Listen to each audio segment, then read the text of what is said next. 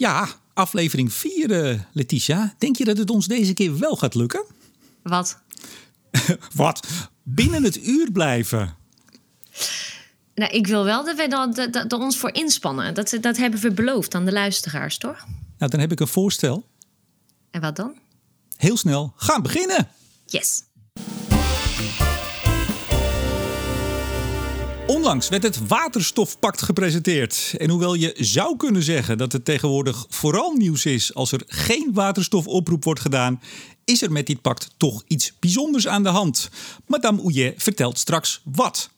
Ja, ik heb, er, ik heb er gewoon echt nachtenlang wakker van gelegen. Oei. Amsterdam voelt zich door het kabinet in de kou gezet. Aanleiding is een uitspraak van premier Rutte over het protest tegen windmolens in stadsdeel Eiburg. Laat Den Haag gemeenten inderdaad in de transitie aan hun lot over? We hebben het nog even over leveringszekerheid naar aanleiding van een voorval in België, waar Eneco vorige week een windpark op zee zo goed als volledig moest stilleggen. Wat was daar aan de hand? En we bespreken voor de laatste keer voor de grote dag wat ons is opgevallen in de verkiezingscampagne. Met aandacht deze keer voor de PvdA en hun bondgenoten FNV en het CNV. Of misschien kan ik beter zeggen hun voormalige bondgenoten. Maar nu eerst, Letitia, heb jij een beetje kunnen voorbereiden op uh, vandaag? Uh, het was ingewikkelder afgelopen weekend. Wat was er aan de hand? Ja, um, we hebben besloten als gezin dat wij uh, de komende jaren, denk ik, uh, een andere gezin gaan helpen. En dat betekent dat wij eens in de maand uh, twee kleine kindjes hier te logeren krijgen. En afgelopen weekend was het zover. Een steungezin zijn jullie? Ik vind dat zo goed. Hè? Jij vertelde me dat uh, vorige week al even. Toen dacht ik, nou, dan moeten we dat ook even ter sprake brengen. Jij hebt je natuurlijk uiteraard wel heel goed voorbereid. Iedereen die jou een beetje kent, weet dat jij dat er wel weer ergens in weet te proppen in de nacht waarschijnlijk. Maar ik vind het heel goed. En ja, misschien ook een oproep aan, aan andere mensen om dat te doen. Nou, als je de ruimte hebt en je hebt de tijd. En kijk, mijn kinderen zijn natuurlijk een stukje ouder nu. Dus dat, uh, de ruimte is er. En uh, nou, dat vonden we mooi om te doen. En het zijn he twee hele lieve kinderen die, uh, met een hele lieve moeder. Dus dat, dat is heel fijn om te doen. Ja, en dan geef je de, de moeder in dit geval even ook wat ruimte, één keer per maand, om een, een weekend op zichzelf te zijn. Hè? Even, even, ademruimte, ja. Nou, ja. Heel goed, hulde. Het waterstofpact. Ja, nou, wakker gelegen zelfs. Laten we even begin beginnen. En we gaan dit binnen het uur doen. Ik, ik herinner je er even aan, uh, Ouje. Ja, maar dat hangt er vanaf van waar zet je het begin? Nou, het begin was 4 maart, presentatie van het Waterstofpact. We hebben ooit al eens het manifest gehad hè, van de Waterstofcoalitie. Die zit hier ook achter. Zo'n nou, bijna 40 netbeheerders, industriepartij, energiebedrijven, overheden, natuur- en milieuorganisaties, noem maar op. En die kwamen dus begin maart met een oproep aan het kabinet om toch niet de waterstofboot te missen. Investeer 2,5 miljard was de oproep uh, tussen 2021 en 2025. Ja, er moet een, uh, een opschalingsregeling komen voor de productie van waterstof. Met behulp van zon en wind en natuurlijk groen. Uh, er moet een landelijk transport- en opslaginfrastructuur moeten komen vanaf 2021. ja, en de duurzame elektriciteitsproductie moet omhoog. Nou, dat is toch een prachtige oproep, mevrouw Ouillet. Waarom lig je daar wakker van? Um, ik ben dus de laatste, nou, wat zou het zijn, uh, maanden ben ik uh, een beetje geobsedeerd geraakt uh, door het onderwerp waterstof. En um, ik ben heel veel aan het lezen en podcasts aan het luisteren en verhalen echt in Amerika en Engeland en zo. Dus ik, ik, het, het begint gewoon echt ook s'nachts gewoon even door te, door te draaien. Dus dat, gaat, dat, gaat het wel goed met je? Ja, het, nou, dat zal je wel afvragen als dit gewoon echt hetgene is waarvan je elke nacht wakker ligt. Maar kijk, ik heb Um, ik wil ten eerste iets uh, de wereld uit helpen. En dat is dat ik uh, misschien ooit getwijfeld heb aan de rol van waterstof in de energietransitie op de lange termijn. En dat kwam voor mij doordat ik uh, heel. Ik kan het heel slecht hebben als dingen gewoon worden opgelegd en uit de lucht komen vallen. En ik kan ze gewoon niet reproduceren. En dan ben ik gewoon gelijk tegen. Nou, dat is een beetje een, dat is een karaktereigenschap. En ondertussen heb ik zoveel gelezen en gehoord over waterstof dat ik wel de overtuiging heb dat als je een grondstoffentransitie uh, wil doorgaan, dus dat betekent als je de grondstoffen die de industrie gebruikt wil gaan verduurzamen en je wil de industrie helpen naar 0% emissie uh, tegen 2050, dat je niet om waterstof of afgeleide producten van waterstof heen kan. maar dat is helder. Dus die overtuiging is er. Maar ik heb, um, ik heb voor mezelf nagedacht. Ik, ik denk altijd in beelden. En ik heb gewoon nagedacht van. Um, wat is het dan toch wat er aan die hele waterstofverhaallijn voor mij niet klopt? En als je begint over waterstof op Twitter. Ik heb de meeste mensen die ik in mijn Twitter timeline heb geblokt. zijn allemaal mensen vanuit de waterstofketen. Dus het, het, het zegt dat wel iets dat je gewoon met die mensen gewoon niet normaal in gesprek kan, naar mijn idee. Zijn het weer nieuwe blogs? Want je had er laatst heel veel ontblokt, maar er zijn weer nieuwe blogs bijgekomen. Uh, nou, nee, ik heb nog een paar mensen niet een blok, laten we het zo zeggen. En er zijn nieuwe mensen bijgekomen, maar dat maakt niks uit. Dat is mijn zuidelijke temperament. Daar gaan we mee door. Ik dacht dat de kernenergie jongens je altijd op de huid zaten. Of heb ik het nou, haal ik nou dingen door elkaar? Dat doen, dat doen ze nog steeds. Dat doen ze. Maak je daar geen zorgen. Ik heb de, de kernenergie uh, mensen en ik heb de waterstofmensen. Maar, maar Letitia, wij gaan nooit een, het uur halen op deze manier. Nee, maar want je neemt een hele lange aanloop. Even ter zake. Even ter zake. Kijk, um, op dit moment, en dat is oké, de waterstofpak kwam uit. En in de waterstofpact uh, vond ik, ik vond deze waterstofpact echt veel beter dan het verhaal van de waterstofcoalitie van 2019. En als je echt de cijfers naast elkaar legt, is het eigenlijk gewoon, zit er geen verschil tussen het verhaal van 2019 en het verhaal van 2021. Ze zeggen hetzelfde. Het gaat nog steeds over opschalen naar 500 megawatt uh, elektrolyse, geloof ik, in 2025. En het gaat nog steeds over dat je dan een soort van termijn moet afspreken. Dat je in 2030 zegt hebt op 3 à 4 gigawatt aan elektrolyse. Daar is niks aan veranderd. Ze hebben niet de opgave verdubbeld of wat dan ook. Alleen nu hebben zij heel goed uitgelegd dat er eerst laaghangend fruit is. En dat laaghangend fruit, dat is het elektrificeren van de industrie. En ik heb, uh, eerst dacht ik, dit is echt nieuw. Want ze schrijven nu op, we gaan 11 gigawatt aan offshore windenergie realiseren. Dat is onderdeel van het uh, klimaatakkoord. Dat is de afspraak uit het klimaatakkoord. Eigenlijk is het zelfs een afspraak van voor het klimaatakkoord. Van de brief van Wiebes over offshore wind, die lag er toen al, hè, voordat we gingen onderhandelen. En, uh, en ze hadden gezegd, en we gaan 3 à 4 gigawatt uh, aan elektrolyse realiseren. Dus ik had altijd begrepen uit de volgeteksten dat het eigenlijk betekende dat je van de 11 gigawatt 3 à 4 gigawatt elektrolyse ging neerzetten. Dus dat je eigenlijk al zei, we kunnen niet in het systeem 11 gigawatt aan offshore windenergie absorberen. In de nieuwe waterstofpact zeggen ze Nee, de 11 gigawatt aan wind op zee wat er nu komt, dat is eigenlijk bedoeld voor het elektrificeren van de industrie, de warmtevraag, um, transport. En er moet nieuwe duurzame elektriciteit gerealiseerd worden, bij voorkeur op zee, om daar elektrolyse van te maken. Um, ik dacht dat dat nieuw was. Ik heb de teksten nu echt goed naast elkaar gelegd. En ook het tekst over waterstof in het klimaatakkoord. En eigenlijk is het impliciet altijd wel gezegd. Ja, maar ja, wij hadden, even, als ik je mag onderbreken. Wij hadden vorige week contact en toen zat je nog op het spoor nieuws. Klopt. En ik ben ook gaan lezen, want ik, ik, je weet, we hadden even een gesprekje daarover. Dat hebben we normaal nooit, maar we hadden een voorgesprekje. En toen was je heel erg van, nou, dit is echt anders. En toen, ik zag hem niet helemaal, maar het, het, klopt dus. Het is eigenlijk geen nieuws. Het is geen nieuws. Deze hele waterstofpact. Ik hoop dat ze niet al te veel geld hebben uitgegeven aan een communicatiebureau met te schrijven van het is gewoon het verhaal van 2019 opnieuw. Alleen nu is die logischer gestructureerd. En ik weet eigenlijk zeker dat als ik morgen een poll doe op Twitter of weet ik wat, en ik vraag aan mensen van hoe had je de oorspronkelijke storyline van de waterstofcoalitie begrepen, dat heel veel mensen zullen gewoon zeggen van... nou, ik had begrepen dat van de 11 gigawatt aan wind op zee... Hè, eh, Ben Volhor zei altijd een deel moet door het putje... dat wij daarvoor 3 à 4 gigawatt aan elektrolyse moeten neerzetten... om daar moleculen van te maken. Dus ik, nou ja, of ik ben echt de enige in Nederland die dit altijd gewoon verkeerd gelezen heeft. Maar eigenlijk zegt deze coalitie van, beste mensen, we beginnen met elektrificeren.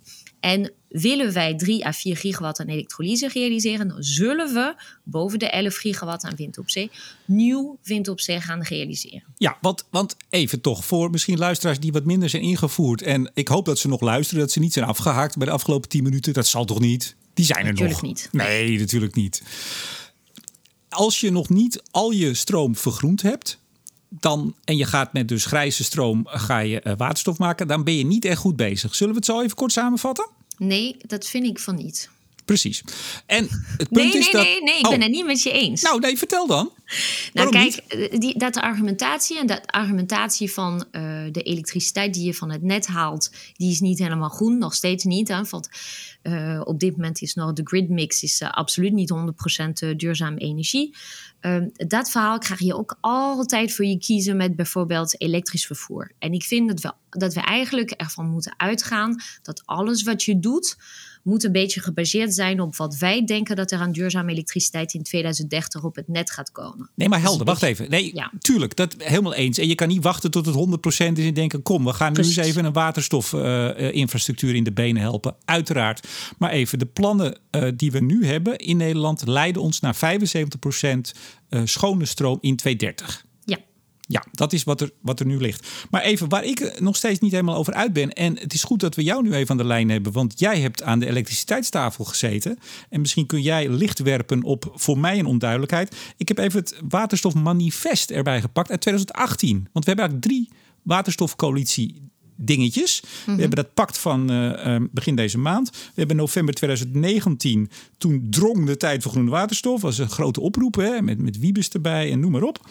Maar in 2018 was er een manifest. En daar staat om deze reden, dus dat je veel schone stroom moet hebben als je groene waterstof wil maken, is een verdubbeling van de huidige doelstelling voor wind op zee voor Nederland naar 14 gigawatt extra tussen 2023 en 2030 noodzakelijk. En je ziet dat verderop ook steeds terugkomen. Dan gaat het over eh, zeg maar meer extra. Maar extra ten opzichte van waarvan dan? Nou, ik denk volgens mij dat het extra is ten opzichte. Ja, als het om 2018 gaat, dan zal het wel extra zijn ten opzichte van het energieakkoord. En als het gaat om de manifest van 2019, dan is het extra ten opzichte van de brief van Wiebes. En daarin stond 11. Maar als je het klimaatakkoord erbij pakt, hè, daar staat ook ambitie eh, in het waterstofprogramma is nou, weer die beroemde 3 tot 4 gigawatt aan vermogen aan elektrolyse in 2030. Waarbij de ontwikkeling in de pas moet lopen met de extra groei van het aandeel duurzame elektriciteit. Ja. Dus de extra groei. Maar het is een heel ver- vervelend woordje, want het is steeds extra ten opzichte waarvan. Ja, ik, als je. Kijk, eh, Joris Thijssen, die was natuurlijk destijds bij Greenpeace. Die is nu bij de PvdA. En die heeft in zijn doorrekening eh, bij, van zijn programma bij het PBL... heeft hij het ook gehad over extra eh, wind offshore. En hij rekent met 6,5. Ehm, dus ja, 6,5 watt. gigawatt Ja, extra wind op zee. Dus, bovenop de 11 die Bovenop dus- de 11, ja. Dus dan staan we in 2030 op 17,5 gigawatt. ja. En dat zou betekenen dat we ook 100% eh, schone stroom hebben op dat moment. Nou, niet, want eh, daarvan ga je dat extra ga je volledig aanwenden om daar waterstof van te maken. Dus je gaat de elektrolyzers direct koppelen aan de, eh, aan de windparken. Is dat waterstofpak, Letitia? Is dat niet één grote oproep en steun voor eh, de plannen die in Noord-Nederland, waar, waar Shell en Equinor en nou, er zijn nog een paar partijen bij betrokken, groots gelanceerd, poeh, ruim een jaar geleden alweer, waar ze zeggen, nou, we willen en heel veel elektrolysecapaciteit hier neerzetten en extra windparken bovenop wat er al eigenlijk loopt aan programma om onze stroomvoorziening te vergroenen. Ja, we willen dat gewoon reserveren voor groene waterstof. Is dit niet daar een enorme steun voor in de rug? Ja, dat, eh, dit soort eh, theorieën heb ik ook eh, erover gelezen. Ik ben, er niet, ik ben er niet zo van overtuigd. Ik denk dat het wel een signaal is dat je ergens moet beginnen. En dat eh, dat waterstofbackbone, waar iedereen het over heeft, dat die aangelegd moet gaan worden. En misschien is dat aanleggen ook een beetje een, een afleiding van wat er echt moet gebeuren. Kijk, we hebben bizar veel geïnvesteerd in een gasrotonde in Nederland. En we hebben op eh, bepaalde plekken bijvoorbeeld acht pijpleidingen die naast elkaar liggen. Dus eh, voor eh, transport van aardgas. Nou, eh, we weten dat Noord-Duitsland en Frankrijk voor een groot deel afstappen van laagkalorisch gas. Dat waren ook afspraken die er al 30 jaar li- liggen, zeg maar, dat dat zou gebeuren. Je ziet dat landen zoals Duitsland en België kondigen aan dat ze heel veel met waterstof willen gaan doen. Je moet als Nederland de boot niet missen als je toch die infrastructuur hebt liggen. Dus ik denk dat de waterstofpact is een, nog een signaal of een, een, een groene stop, stoplicht voor EZK. Dat ze nu gewoon tegen GasUnie moeten zeggen van het is goed, ga één of twee van deze pijpleidingen gewoon omkatten, zodat er gewoon waterstof er doorheen kan. En, en zodat we gewoon die industriële clusters aan elkaar gaan verbinden. Dat ene rapport waar uh, jij en ik een paar keer over gesproken hebben, van de Agora. Daarin stond ook dat of je nou groen, blauwe, pimpelpaars of uh, roze waterstof wil hebben dat als je een rol van betekenis wil gaan spelen op de wereldmarkt voor waterstof, dat je als, als industrie, de industrieclusters als een soort van no regret aan elkaar moet gaan verbinden. Dus dat je daarvoor moet zorgen dat je Oost-West um, in Nederland uh, gaat werken. De, kijk, uh, waterstof kan alleen opgeslagen worden in principe in, uh, in zoutcavernes. Nou, de zoutcavernes zijn allemaal in het oosten en of op de grens met Duitsland. Hè? Mm-hmm. Je hebt Zuidwending, je hebt Epe. Nou, en, uh, en in het westen heb je de Maasvlakte en, en, en Zeeland. Die hebben allemaal gewoon uh, waterstof nodig. Die gebruiken nu al veel waterstof. Dus je moet ervoor zorgen dat je het ook kan opslaan. Dus ik denk dat er een, uh, een Oost-West verbinding gaat komen of moet komen. En ik denk, kijk, de enige grote vraag van die waterstof-backbone is of ze nog een uh, afslagje gaan pakken richting, um, richting Gemmelot en richting uh, Tata Steel. Oh, nou, ik hoor, ik hoor ze al in, uh, in Limburg nu roepen: ja, hier naartoe. Maar toch terecht. Tuurlijk. En dat is, weer de, maar dat is ook weer de doorvertaling, of de, de doorverbinding moet ik zeggen, naar Duitsland natuurlijk. Dat is het ook. Ja. Dus hoe jij en de boer zeggen, mensen, doe dat niet zo moeilijk. Leg die backbone aan, no regret. Bind die clusters in Nederland aan elkaar met pijpen en kabels en de hele ratsmodee. En uh, we gaan lekker door met groene stroom opwekken. We gaan misschien ook wel wat importeren. Duitsland heeft vorige week een uh, intentieovereenkomst met Saoedi-Arabië gesloten. Want Duitsland zegt, ja, wij gaan het niet redden met groene waterstof alleen. We moeten importeren. Kan misschien wel in Rotterdam binnenkomen. Gaat het via de pijpleiding, via Gemmelot, naar Duitsland. Ja, ik, ik zag dat je daar enthousiast over was. En de deal van, of in ieder geval, je, je twitterde er enthousiast over. Nee de hoor, dat was een uh, feitelijk tweetje, mevrouw Oeyer. Dat was feitelijk. Ja, oké. Okay, nou, dan was uh, misschien waren de reacties van die mensen onder je tweet ja, wel heel uh, enthousiast. Maar ik vraag me nog steeds af. Um, kijk, uh, dat we gaan importeren. Ik bedoel, we hebben een van de grootste haven van de wereld uh, in Rotterdam liggen. Dus we gaan uiteraard importeren. Dat, is, uh, dat, dat staat buiten kijf. Maar ik heb wel een beetje moeite met dat wij nu onze soulas in de. Soulas zeg je dan, hè, in, de, in de duurzame. Of in de energietransitie gaan vinden. In nog een keer afhankelijk te gaan worden van landen waarvan wij zo graag gewoon eh, minder afhankelijk van zouden willen worden. En maar ik, we ik las, moeten wat, Letitia? We ja, kunnen ik niet... las dat Duitsland bijvoorbeeld Ja. niet alleen met Saudi-Arabië en nu in bed ligt, maar dat ze ook bijvoorbeeld gewoon aan het mede-investeren zijn in Congo. Nou, ik, ik weet niet, Remco, of je ooit in Congo bent geweest. Toevallig um, in een vorige leven was ik stewardess voor Air France. En ik heb uh, de luchtverbinding uh, gedaan om gewoon slachtoffers te gaan halen tijdens de oorlog met Congo uit Congo. Echt, waar hebben we het over? Nee, maar, nee, maar Letitia, laten we... Nee, maar tuurlijk. Dat, ik denk dat iedereen het dan met je eens is. Maar we, we kunnen niet... Laten we ook naar het volgende onderwerp gaan. Want het gaat over uh, verzet tegen de transitie in Nederland. Kijk, op een gegeven moment kunnen we niet uh, en tegen de windmolens en tegen dit en tegen dat. En ik zag ook jouw man daar inderdaad over twitteren. Die is ook niet zo'n fan van import uit dat soort landen. Ja, ik, ik denk, zullen we het voor de volgende keer bewaren om daar eens wat dieper nou, over te gaan ik wil praten? toch even, sorry Remco, ik wil toch even een puntje maken. Want, um, Dit gaat nooit een uur worden, dames en nee, heren. maar Dit wel, nou, dan gaan we gewoon met korter over Eiburg uh, praten. Maar um, nou, ik, kijk, wat ik wil zeggen. Over, op dit moment, van ik heb best wel veel nagedacht over welke beeldgroep dit hele waterstofverhaal bij me op. En ik heb het gevoel dat we staan voor een hele grote appelboom. Hele mooie grote appelboom, heel hoog. En er liggen allemaal hele mooie appels die gewoon bijna op de grond gaan vallen. Zo rijp zijn ze. En we zijn nu met z'n allen bezig om een trappetje te bouwen, wat gewoon een beetje wankel is. Om zo hoog mogelijk in de boom te gaan, om de zuurste appel gewoon helemaal bovenaan te gaan plukken. En waar ik me zorgen over maak, is dat in plaats van over logische dingen te praten in deze waterstoftransitie, dus hub, backbone, industriële clusters aan elkaar verbinden, niet moeilijk doen, niet steeds vragen dat de markt het doet of dat de industrie ja zegt, maar gewoon hub, eh, gewoon investeren in, in wat we nu al hebben gaan we nu bijvoorbeeld weer discussies voeren over een Green Deal om gebouwen te gaan verwarmen met waterstof. Daar word ik dus echt heel erg verdrietig van. En maar je springt nu van teen op tander. Nee, dat is hetzelfde. Nee, dat, weet ik. Er is, er is een Green Deal, maar er zijn 100.000, nou ietsje minder, maar bijna 100.000 Green Deals over van alles en nog wat gesloten. Dat betekent niet dat we uh, van het pad afwijken. En volgens mij in het waterstofpact, en laten we dat dan misschien tot slot, daar staat natuurlijk ook gewoon: uh, zorg nou voor die backbone.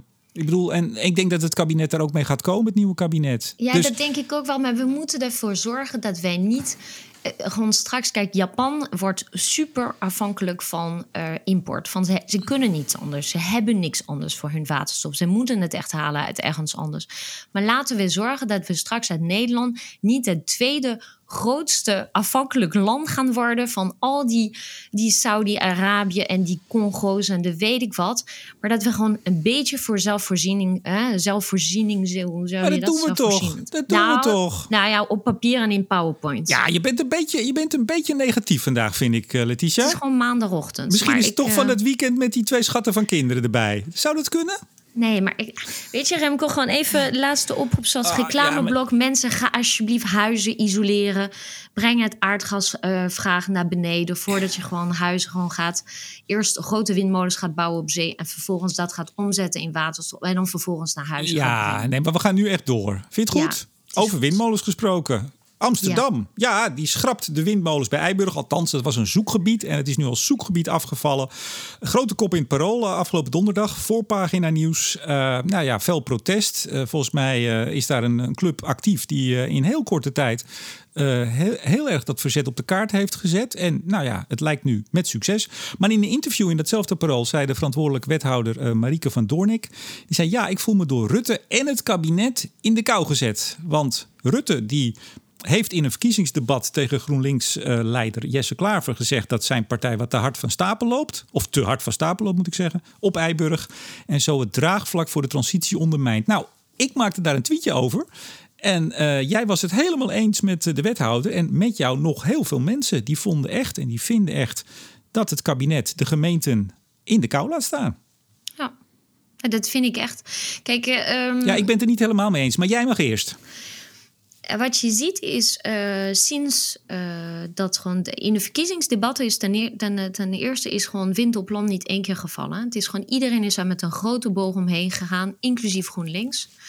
Um, dus het is allemaal gegaan over de transitie op zee en zon. Nou, de zon vindt iedereen schattig en goed. En we gaan de daken volleggen en weet ik wat. Maar vervolgens dat hele wind op land heeft iedereen maar gewoon geparkeerd. En het probleem wat ik hiermee heb, is dat we hebben in het klimaatakkoord maatregelen met elkaar afgesproken. En daar is gewoon de inkt nog niet droog.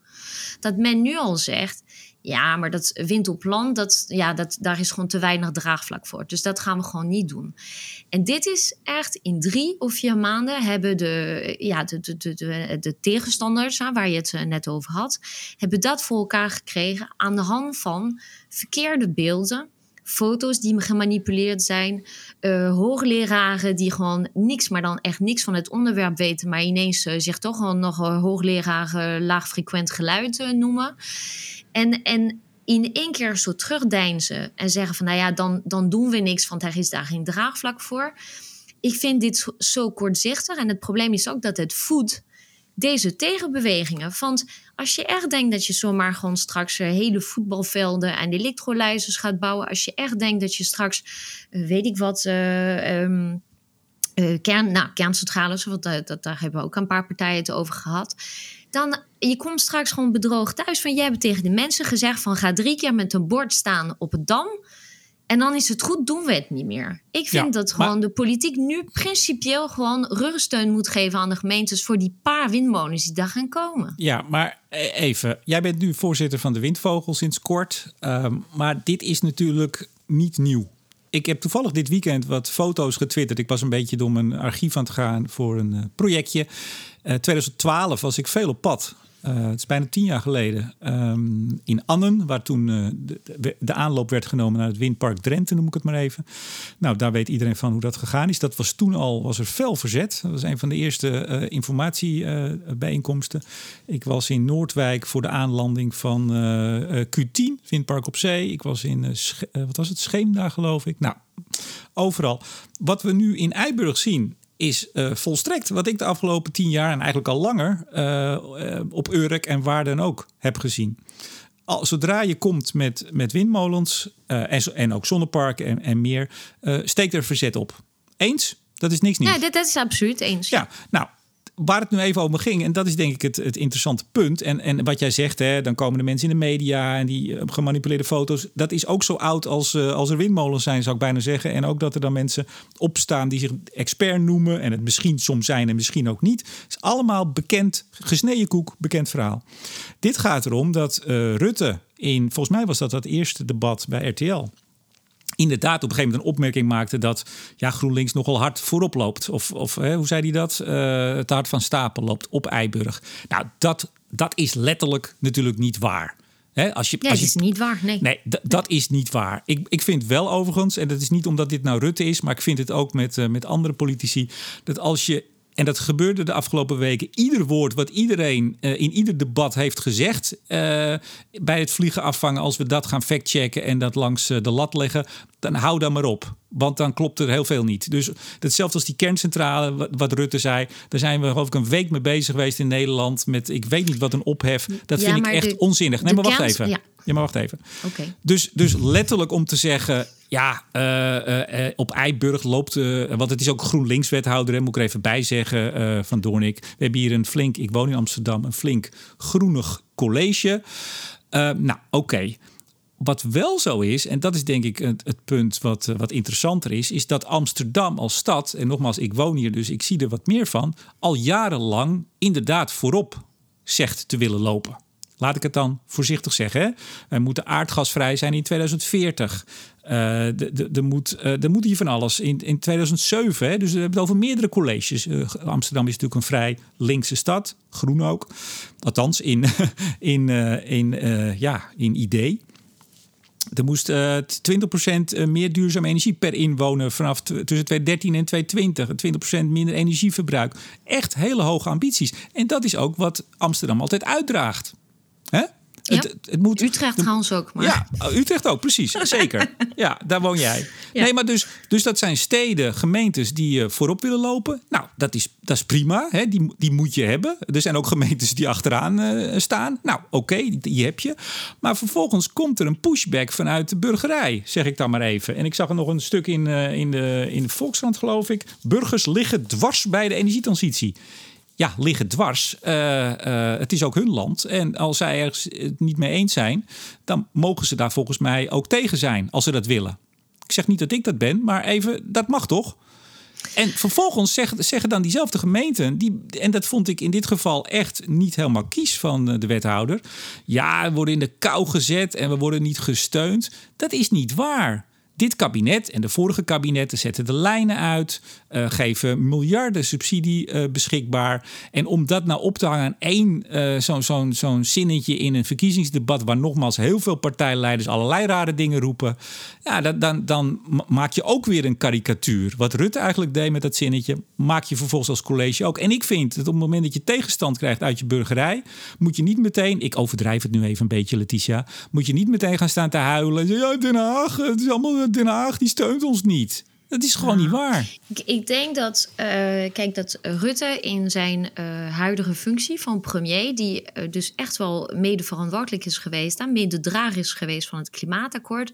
En alle partijen die gewoon meegetekend hebben aan het klimaatakkoord, kunnen toch niet twee jaar na dato niet eens anderhalf jaar gaan roepen. En zeker voor een dossier wat echt heel controversieel is. Van kijk, je hebt het over de, de kerncentrale in Groningen. Nou, die is fictief.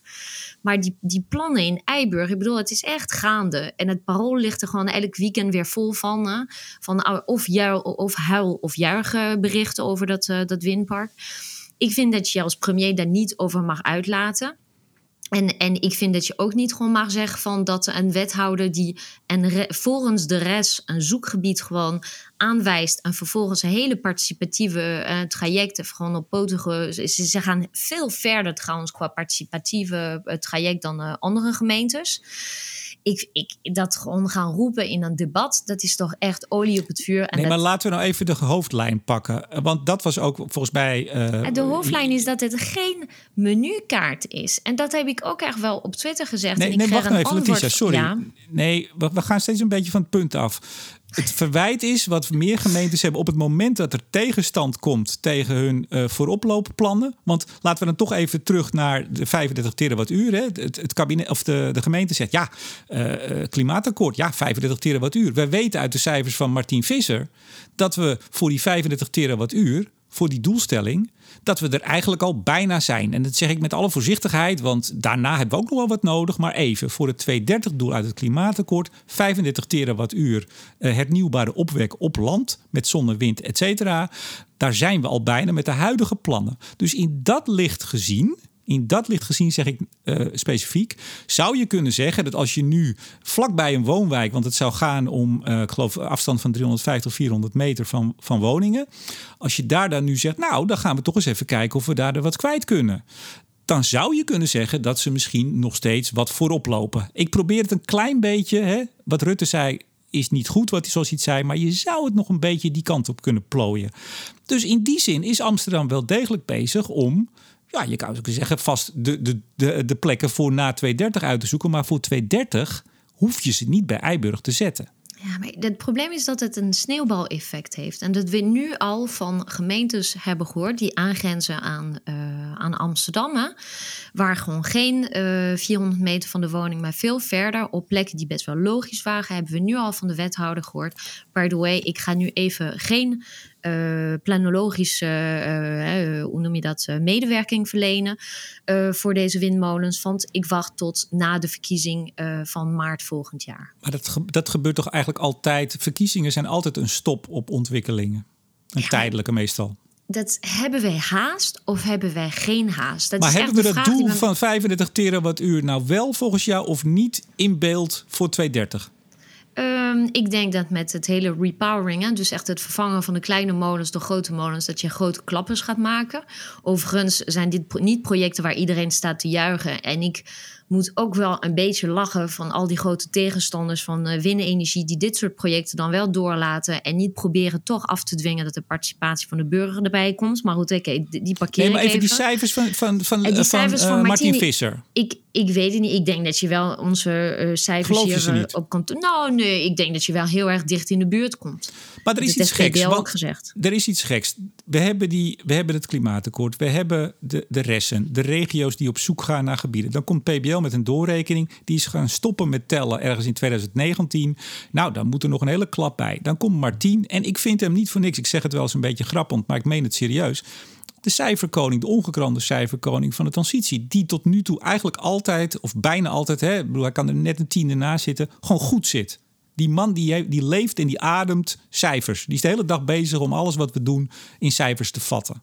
Als die zegt, voor 230 zijn we er bijna. Dus kijk nou uit. Ga nou niet mensen over de kling jagen. Ga nou niet te veel pushen op dingen die misschien nu nog helemaal niet nodig zijn. Daarmee tas je dat draagvlak aan. Dan is dat toch een, ook een reëel punt. Maar wat ik nou zie is dat dan mensen zeggen... Eh, want hij krijgt ook ontzettend veel kritiek daar nu op... En iedereen die dit uh, retweet ook. Uh, van ja, nee, maar uh, we moeten door, we moeten door. Ja, natuurlijk. Maar je kan toch niet zeggen, we stellen een doel. Dan hebben we dat al met wat er in de pijplijn zit en wat al vergund is en waar al SDE voor is, al bijna gehaald. We hebben nog negen jaar voor dat kleine beetje wat dan nog moet. Dat ziet er heel goed uit. En kan je zeggen, ja, maar dan was het doel te laag. Dus hup, door, volle kracht vooruit. En dan zie je dus op Eiburg, wat vooral een D66 GroenLinks uh, gebied is, dat kiezers toch in het verzet komen. En dan kan je niet roepen, ja, Den Haag steunt ons niet. Ik vind dat te kort door de bocht. Ja, ik, ben het, ik ben het met je eens. Ik denk wel het probleem van Martien is dat gewoon uh, Excel is geduldig. En dat je gewoon kan zeggen dat, hem, en dat het qua uh, hoeveel mensen, hoeveel SD er aangevraagd is en al dat soort dingen, dat het allemaal wel goed gaat komen. Ik heb ook een discussie met hem gehad over bijvoorbeeld een windpark waarvoor we wel SD hadden. We hadden een vergunning, maar die, was, die is nog steeds nog niet onherroepelijk. Uh, omdat er nog van alles aan planschadeprocedure erop loopt. En mensen voelen zich ook steeds meer gesterkt door uh, dit soort uitspraken van de politiek. Dat, er gewoon, hè, dat die windparken daar eigenlijk niet zouden moeten komen. Dus het, ik heb tegen hem gezegd: je kan gelijk hebben. Maar het maakt het gewoon niet makkelijker voor die windparken die nog gerealiseerd moeten worden en wel in je cijfers staan.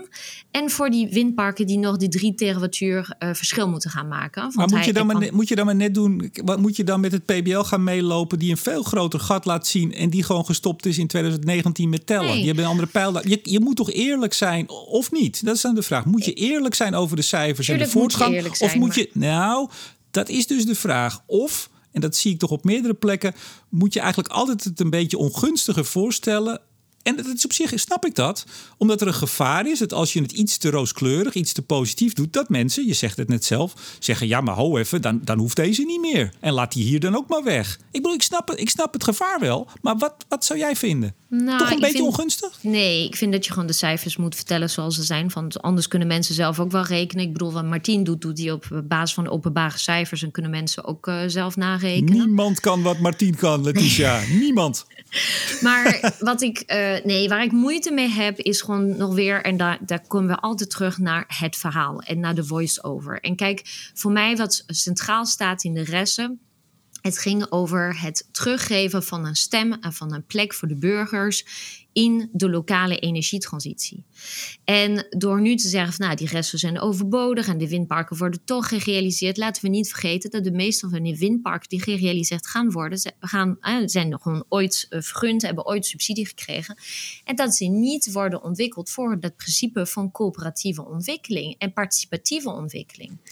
En maar op dus- Eiburg, dus... Letitia, daar werd alleen nog maar, het was alleen nog maar een zoekgebied wat werd aangewezen. Of althans nog niet eens aangewezen, een soort eh, verkenning van zoekgebieden. Nou, er is, die zijn nu dus ingeperkt. Er zijn er nog drie over. Die zijn ver weg van Eiburg. Althans, misschien nog een klein stukje op het IJmeer. Maar het is niet meer wat het was. Je zou toch ook kunnen zeggen nou deed Amsterdam het goed. Hè? Laten we het even die, die beginnen dan. Nou, dan komt er uh, noem ik het maar, vanuit de, de lokale bevolking. Dan gaan ze dat participatieve traject uh, opstarten. Maar binnen no time, want het is heel snel en kort uh, heeft het geduurd, dat verzet. Zegt de gemeente, nou, we laten deze maar vast vallen. En zo laten ze ook zoekgebieden vallen op andere plekken waar meteen verzet was. Wat vind je daar dan van? Ja, nee, ik hoop echt dat. Kijk, Eiburg was, uh, wat je zei, het was altijd gewoon ingewikkelder dan de andere locaties in Amsterdam, omdat het gewoon dichterbij uh, een bewoond gebied uh, was. Ik hoop echt dat de gemeente nu zegt van nou, bij de Noorder-Eiplas en de uitbreidingen, volgens mij bij de haven die ook nog voorzien zijn, Ehm, ja, daar gaan we echt onverminderd mee door. Ehm, ik hoop niet dat. Nee, maar wacht nou even. De vraag was: waarom, waarom laten ze dan meteen, als ze nou uh, met, goed, uh, met goede overwegingen een aantal zoekgebieden hebben vastgesteld, waarom laten ze dan zo snel op de plekken waar verzet is dat vallen? Is dat heel goed of vind je dat slecht? Vind ik heel ingewikkeld om te zeggen. Ik denk dat het, dat het heel ook gewoon, uh, kijk, uh, Rutte, Rutte krijgt nu gewoon de schuld aan, want hij heeft het gewoon in een debat gezegd, dus je kan het daar aan, hangen. Um, ik kan me voorstellen dat de gemeente op een gegeven moment wil doorpakken en dat ze zeggen van, nou ja, weet je, we gaan gewoon even laten zien aan de Amsterdammers dat die windmolens helemaal niet zo schadelijk zijn en we gaan die windparken die meer voor de hand liggen en waar al meer werk voor gedaan is en meer analyses voor gedraaid zijn, die gaan we als eerste bouwen en dan praten we later over een gebied zoals Eiburg. Hm. We gaan het zien. Overigens, ik, eh, ik kijk op het eh, havengebied zo'n beetje uit. Ik zie zo'n 20, 25 windmolens uh, vanuit mijn... op dit moment zelfs. In Amsterdam-West. Kan je ja, en je hebt er geen last van. Nee, maar ze staan wel heel veel. Nou, er zijn wel, er zijn wel een paar nieuwe uh, neergezet, volgens mij. Grotere in de buurt van de Hemwegcentrale, uh, geografisch gezien. En daar zitten lampen op. Nou, ik heb, ik heb er geen last van, nee. Maar ik heb wel op een gegeven moment, toen, toen zat ik te werken. Ik denk, wat zie ik nou steeds? Een soort flits. nee, serieus. Dat is nou, die lampen, ver. Dat, dat, is echt wel een ding. Maar ik heb uh, ondertussen gezien dat er, en nu ben ik even vergeten waar het was, maar dat er gewoon nu een uitspraak zou liggen dat, dat die lampen daar niet meer op hoeven. Maar echt, hey, Letitia, kilometers verder. En ik zat gewoon te werken. En op een gegeven moment dacht ik dat er iemand met een lampje of zoiets zat te schijnen. Ik dacht, wat is dat nou? Misschien is het aan de overkant een buur of zo. En dat bleken die lampen. En dat is vooral in de schemering als ze nog wel knipperen. En op een gegeven moment gaan ze uit. Hè? Dan worden het rode lampjes. Ja. Maar het was, nou ja, goed. Anyway, hey, we gaan snel door. Want we gaan het binnen het uur redden. Ja, zeker. Wat was dat in België? Uh, Eneco moest een, een windpark stilleggen. Uh, het waaide nogal hard. was van alles aan de hand. Wat was er aan de hand? er was aan de hand dat er uh, dus uh, te lage prijzen waren. Uh, door, Negatief? negatief zelfs. Van, ja, dat had ik niet gezien. Maar gewoon in ieder geval laag. Misschien wel zelfs negatief. En dat ze de windmolens uitgingen.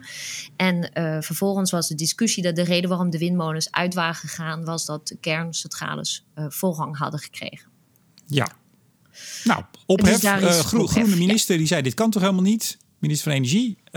waarop Engie zei, ja, op zich kunnen we best wel een beetje op en afschakelen.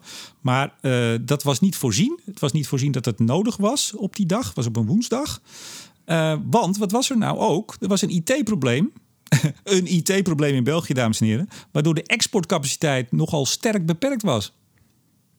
Ja. Maar we raken nu een hele belangrijk probleem. En dat jij en ik hebben dat niet de afgelopen keer, maar de keer daarvoor hebben we het gehad over leveringszekerheid. Hè? Dat was uh, na aanleiding van het rapport van Tenet.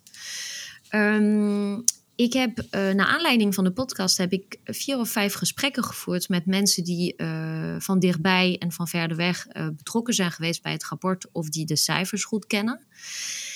En ik denk zelf, maar ik weet niet of. Mag ik een theorie heel even uit, uitgollen? Je hebt 23 seconden. Oh, dat is echt. Oh. nee, Luisteraars, ga alsjeblieft, gewoon stem, stem voor meer spreektijd voor Letitia in deze podcast. Nee. Me dunkt zeg, je hebt iedere twee weken een uur de tijd. Ga lekker door. Nee, kijk, um, wat ik denk is dat. Um, kijk, er zijn Tenet heeft gewoon, en Tenet en dan Tenet is hetzelfde als gewoon de, de Tenet van België. Dus dan maakt helemaal niks uit, ze hebben allemaal hetzelfde. Je hebt een paar aspecten in de energietransitie. Je hebt de transportzekerheid. En je hebt de leveringszekerheid. Dus de transportzekerheid, dat is ervoor zorgen dat er gewoon genoeg uh, kabels in de grond of uh, boven de grond liggen om elektriciteit te transporteren. En alle knelpunten gewoon oplossen daar, daaromheen. En leveringszekerheid, dat is ervoor zorgen dat je genoeg capaciteit hebt die de elektriciteit gaat produceren, die over de kabels getrokken moet worden. En uh, Evas, en we waren allebei een beetje, uh, een beetje ontstemd, omdat Tenet had gezegd: eigenlijk tot 2028 of 2029 is er niet zo heel veel probleem wat betreft uh, de leveringszekerheid, omdat er nog meer dan genoeg centrales staan van vroeger. Hè? Dus fossiele centrales, best wel trouwens superschone aardgascentrales, maar goed, wel fossiele centrales staan, die in principe tot 2028 of misschien 2030 nog staan. En um, kijk, zo'n uh, zo'n zo'n een geval in België, en nu is het met kerncentrales, maar dat in Nederland zou je dat kunnen hebben met de gascentrales, is dat um, hoe meer duurzame elektriciteit we op het net zetten, hoe meer die duurzame elektriciteit op hetzelfde moment gaat produceren. En hoe meer dat markt zichzelf kapot maakt. En dat hebben we ook wel gezien met het feit dat bijvoorbeeld, uh, nou ja, uh, wij als windvoren bijvoorbeeld uh, vragen steeds offertes voor de stromen, voor onze, onze windmolens bij de grote bedrijven. En die prijs die je daarvoor krijgt is alsmaar lager. PBL rekent zelf met, geloof ik, wat is het, 25 of zo euro voor in 3000 uren per jaar. Dat er heel veel duurzame energie op het net komt. Dus die business case voor wind wordt steeds lager. Uh, voor, voor stroom. En in de tussentijd uh, moet er backup worden geleverd vanuit gascentrales. En nou zitten wij in een situatie dat um, die gascentrales, uh, nou ja, elke jaar maak je een besluit, blijf ik staan of ga ik weg? Hè? Dus dat zijn de eigenaren die gaan kijken van wat, wat kost het mij om mensen in contract te laten? Wat kost het mij om gas aan te kopen voor het hele jaar? En vervolgens als ze eenmaal dat besluit genomen hebben, dan gaan ze gewoon uh, elke, elke dag, elke 15 minuten gaan ze inbieden op basis van hun draaiuren. Dus uh, uh, ze gaan kijken van nou, ik kan zoveel draaiuren maken en dit is wat ik denk dat mijn OPEX is. Ja. Maar deze centrales die staan boven de markt als een soort van grote schaduw, grote fossiel flexibele schaduw, waardoor er gewoon geen business case is steeds niet voor flexibele vormen van, of duurzaam flexibele vormen van energie. En ik denk dat het nieuws uit België is het nieuws waar we aan moeten wennen. Van dat gaat veel vaker gebeuren de komende tijd. En dat is een teken aan de wand dat die energy-only market, dus een markt die zich volledig op basis van uh, marginale kosten uh, uh, reguleert, zeg maar. Dus waar niet betaald wordt voor capaciteit, maar puur hè, dat je, je krijgt het geld die op dat moment de vraag bereid is om te betalen. Dat die markt gewoon aan het einde gekomen is. Ja, en dus wat moeten we doen? Nou ja, ik denk dat je moet gaan nadenken over. Ik had het net over transportzekerheid. Ik sprak met uh, iemand van Tenet en die vertelde mij van als je van uh, de aan, aanlandingsplek van IJmuidenver, dat is Zeeland. En als je uh, stroom wil transporteren, transporteren van Zeeland naar Gemmelot, nou sowieso zou je een stukje kabel moeten doorbouwen naar Maasbracht, maar dat maakt niks uit. Stel dat je dat hebt en je moet stroom transporteren van Zeeland naar Gemmelot, dan heb je zes grote knelpunten op te lossen in het hoogspanningsnet. Dat zijn gewoon plekken waar het gewoon waar het net niet lekker loopt wetende dat je die flexibele capaciteit nodig gaat hebben. Dat je gewoon grote batterij nodig gaat hebben, elektrolyzers nodig gaat hebben. Al dat soort dingen die op dit moment geen business case hebben vanwege de overschaduwende gascentrales. Nou, dan zou je misschien kunnen zeggen: Weet je wat, we gaan de business case voor deze dingen gaan we nu dus niet op de commoditymarkt uh, laten, laten halen. Van de, de prijsspread is te klein.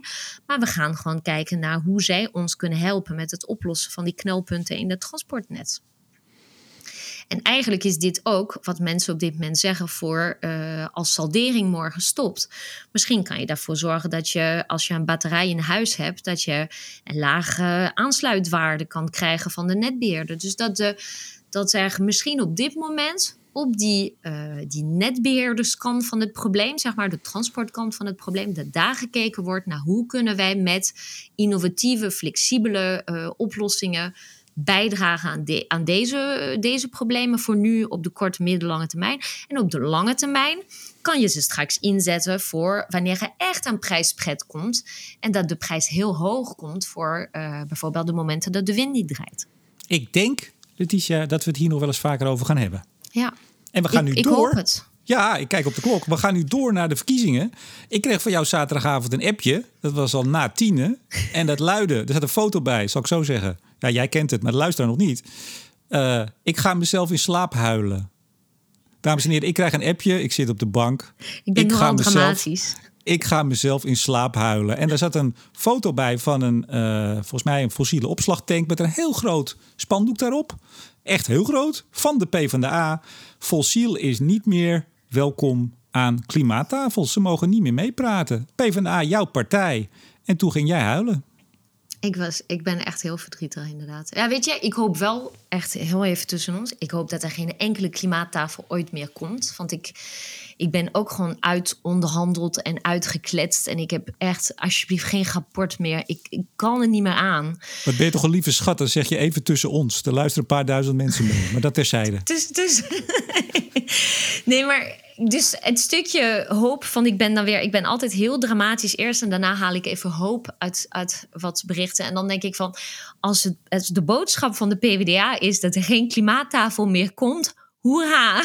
Dat was niet de boodschap, eh, Letitia. Maar even, je hebt er zelfs een draadje aan gewijd. En zoals je al schreef, ik ben niet van de draadjes. En dat klopt, nee. dat doe jij zelden. Maar je hebt daar nog zaterdagavond een, een, een draadje van ook vier tweets aan gewijd.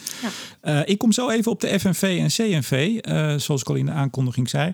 Maar kun je kort je, je punt, want het is ook wel pijnlijk, want het is jouw partij. Je zet je daarvoor in. Hè? Je zei ook, ik flyer elke dag. En, uh, maar ik, ik, ik sta absoluut niet achter de visie uh, op energie van de Partij van de Arbeid. Nou ja, ik, ik vraag me nog steeds elke keer af. Ik, ik, hou, ik haal toch wel mijn inspiratie uit het programma. En in het programma staat dat er samengewerkt gaat worden met kennisinstellingen en bedrijven aan een groene toekomst. Dus de samenwerking, dat samenwerkingscomponent is echt onderdeel van het programma. Ik heb heel veel moeite met dat activistische gedoe.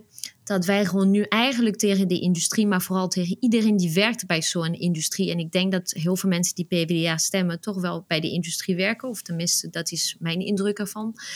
Um, en dat je tegen ze zegt van we gaan over jullie praten, maar niet met jullie. En ik heb in december hadden jij en ik voor het eerst een, een gesprek in een podcast. En dat ging over wat zou je doen als je minister van Energie was.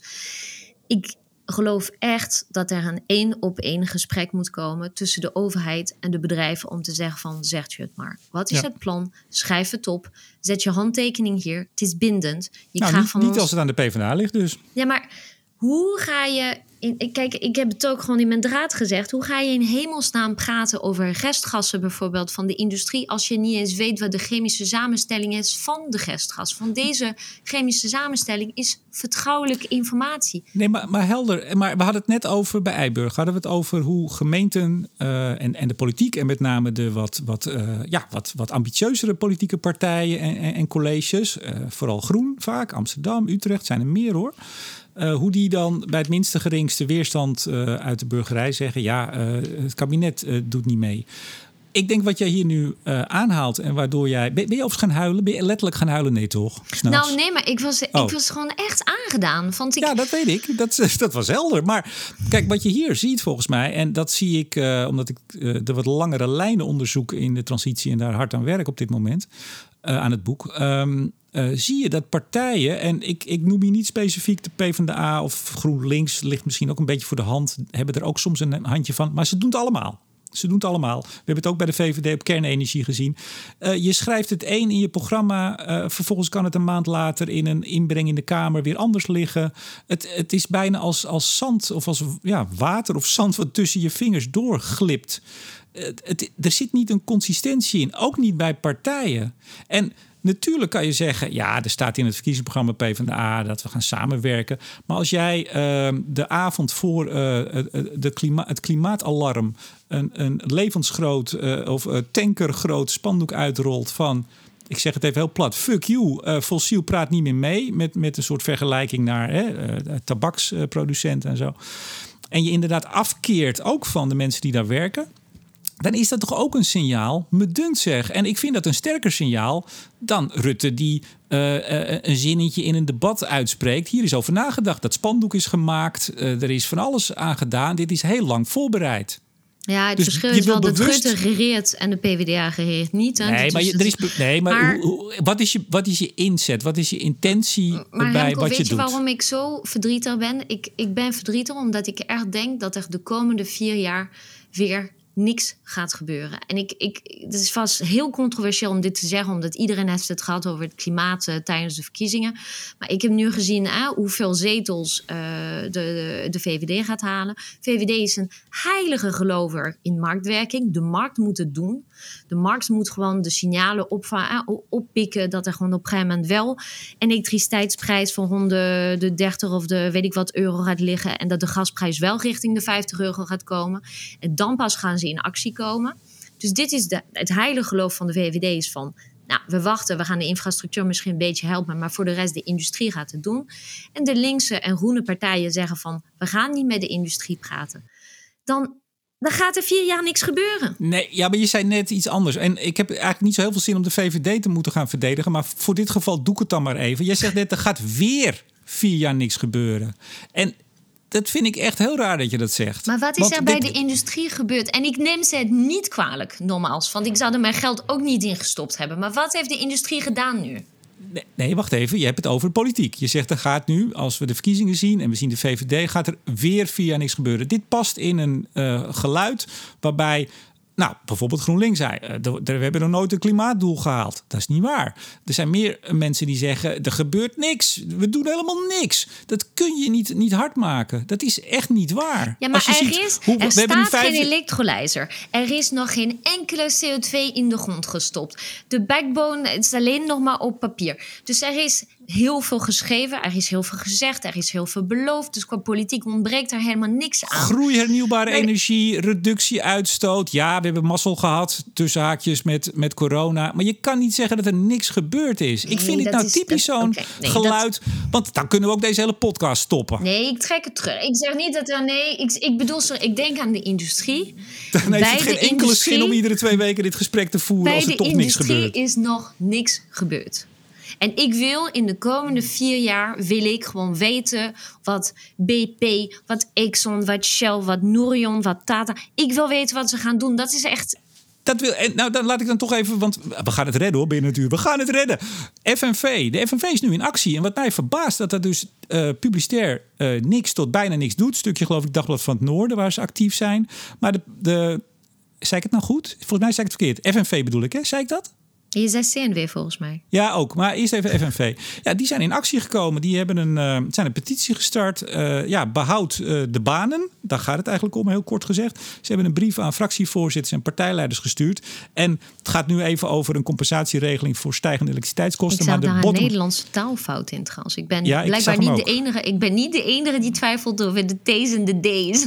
Nou, kijk, zie je, je bent al helemaal ingeburgerd. Of wij hebben ons aan jou aangepast. Dat kan ook natuurlijk. Ik maak ook wel eens een fout trouwens. hey, maar even. Ja. De, de bottom line is gelijk speelveld. De FNV die aan de ene kant, uh, en dit zijn dan wel, moet ik erbij zeggen, vooral uh, de, de, de, takken industrie en metaal. Mm. Um, ja, die zijn toch echt bang uh, dat er industriebanen verdwijnen. En hebben een petitie, zijn een petitie gestart om die te behouden. Gelijk speelveld. En wat mij opviel, de CNV, ik heb het vanochtend getwitterd, maandagochtend. Die hebben al 11 uh, februari in reactie eigenlijk op het rapport van Geest, bestemming Parijs, hebben wij besproken. Heel goed rapport. Die zeggen expliciet: wij willen naar variant C. En voor de kenners betekent dat we gaan volledig op de Europese lijn. Uh, Europa zorgt voor de reductie in de industrie. Wij gaan daar geen in Nederland nog een heffing bovenop zetten. Ook geen SDE dan. Laat het over aan Europa. En wij gaan ons in Nederland concentreren op uh, de niet-ETS-sectoren, gebouwde omgeving, mobiliteit, landbouw. En eigenlijk zegt de FNV dat nog niet zo hard. Maar het komt er wel op neer als je hard pleit. En ze hadden een, een, een, een autodemonstratietocht die om vijf voor twaalf begon. Je snapt de symboliek. Uh, het behoud van banen en gelijk speelveld. En daar zie je denk ik toch wel voorzichtig Um, een, een, kleine scheuring tussen de PvdA en uh, ja, dat waren toch altijd de bondgenoten van de, de vakbonden, van de werknemers, die, Partij uh, van de Arbeid. In de brief, naar, de, in de brief naar die uh, partijen stond een, uh, ook een deadline voor een antwoord, omdat de Ja. FNW wilde een stemadvies uitbrengen. Ja. Weet je of dat al gedaan is? Ik heb er niks van gezien. En ik, uh, dat kan zijn dat ik dat gemist heb. Ik heb er wel naar gekeken. Maar ik denk dat maar heel weinig partijen. Want inderdaad, er werden twee stellingen voorgelegd. En de belangrijkste was eigenlijk: wij onderschrijven als partij de noodzaak dat de industrie in Nederland haar gelijke speelveldpositie moet behouden. ten opzichte van de industrie in andere EU-landen. Dit is een fundamenteel punt.